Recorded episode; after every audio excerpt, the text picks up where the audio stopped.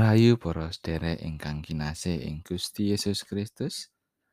Wilujeng pepanggihan malih wonten ing Sabda Winedhar. Renungan watintenan basa Jawi. Monggo kita ndedonga sadèrèngipun kita nampi sabdanipun Gusti. Gusti Allah Rama kawula kasuwargan.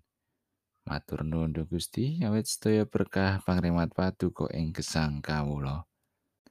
Wekdal mirunggan menika Gusti kawula nyawisaken manah kawula.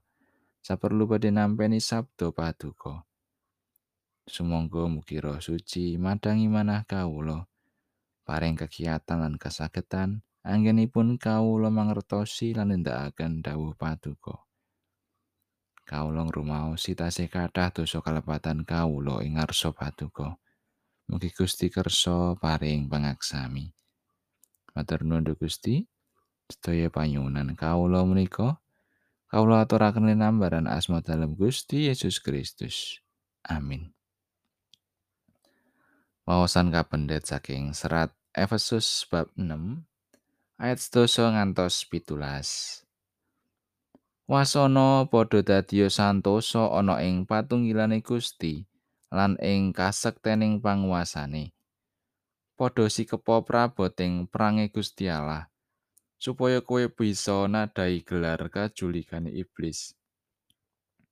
Awit kang kita tandingi iku dudu daging lan getih nanging para pamarentah para panguwasa para panggedening jagat kang peteng iki para roing kadursilan kang ana ing langit.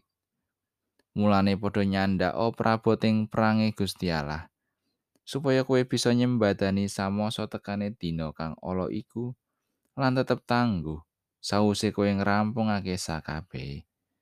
Mulane padha dipanggah. Lambungmu sabu ana ing kayekten lan ngrasuka keadilan minangka kere. Sikilmu nganggo trumpah cumadangmu marang Injiling tentrem rahayu. Sajrone mangkono iku padha nganggo tamenging pracaya. Margane kowe bakal bisa nyirep saking panah geni saka si pangawak dursila. Karo maneh padha nampan ana tetopong karahayon lan pedang roh yaiku sabdaning Allah. Pengkatan panggantikanipun Gusti ayat nat saking ayat 13. Mulane padha nyandak praboting prange Gusti Allah supaya kowe bisa nyembadani samasa tekane dina kang ala iku. Lan tetep tangguh sawuse kowe ngrampungake sakabehe. Wiwit wonten pandemi COVID-19 ing Maret 2020, tuwuh kampung tangguh Nusantara ing pundi-pundi papan. Ingkang sinebut KTN inggih menika kampung ingkang kaangkah saged ngatasi masalah kesehatan, ekonomi, keamanan, informasi, saha kreativitas. Srana kridanipun masyarakat sasarengan KTN menika kaajab saged ndadosaken masyarakat tangguh anggenipun ngadepi pandemi. Srana mekaten ing salebeting pandemi saged tansah gesang. Kabetan patintenan kacekapan lan tetep sehat. Kita tentu enget kados pundi kawontenan ing kampung dunung kita nalika semanten. Sami giris lan miris. Margi-margi dipun palangi. Sedaya ingkang mlebet lan medal kampung dipun priksa. Swasana raosipun kados ngadepi perang. Swasana perang ugi karaosaken dening Rasul Paulus nalika pepisahan kalian umat ing Efesus. Tiang-tiang rumiyin sami pitados dhateng roh-roh katursilan ingkang gentayangan ingkang risak gesanging manungsa.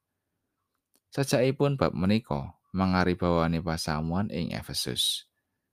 Ing salebeting kawontenan kados mekaten menika Rasul Paulus kados-kados pirsa kegambaran ingkang nyata inggih menika bilih gesangipun saleresipun dipun awasi dening serdadu Romawi ingkang mengangge rasukan prajurit jangkep.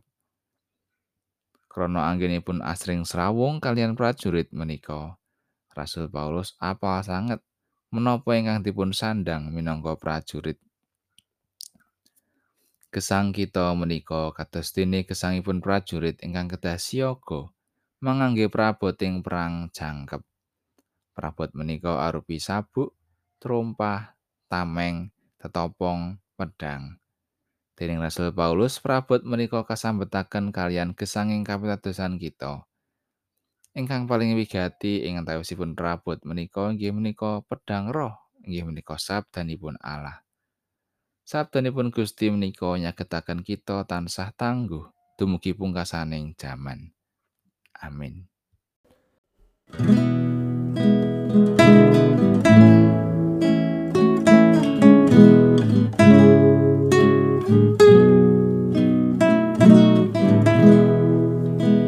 Yen Gusti rinten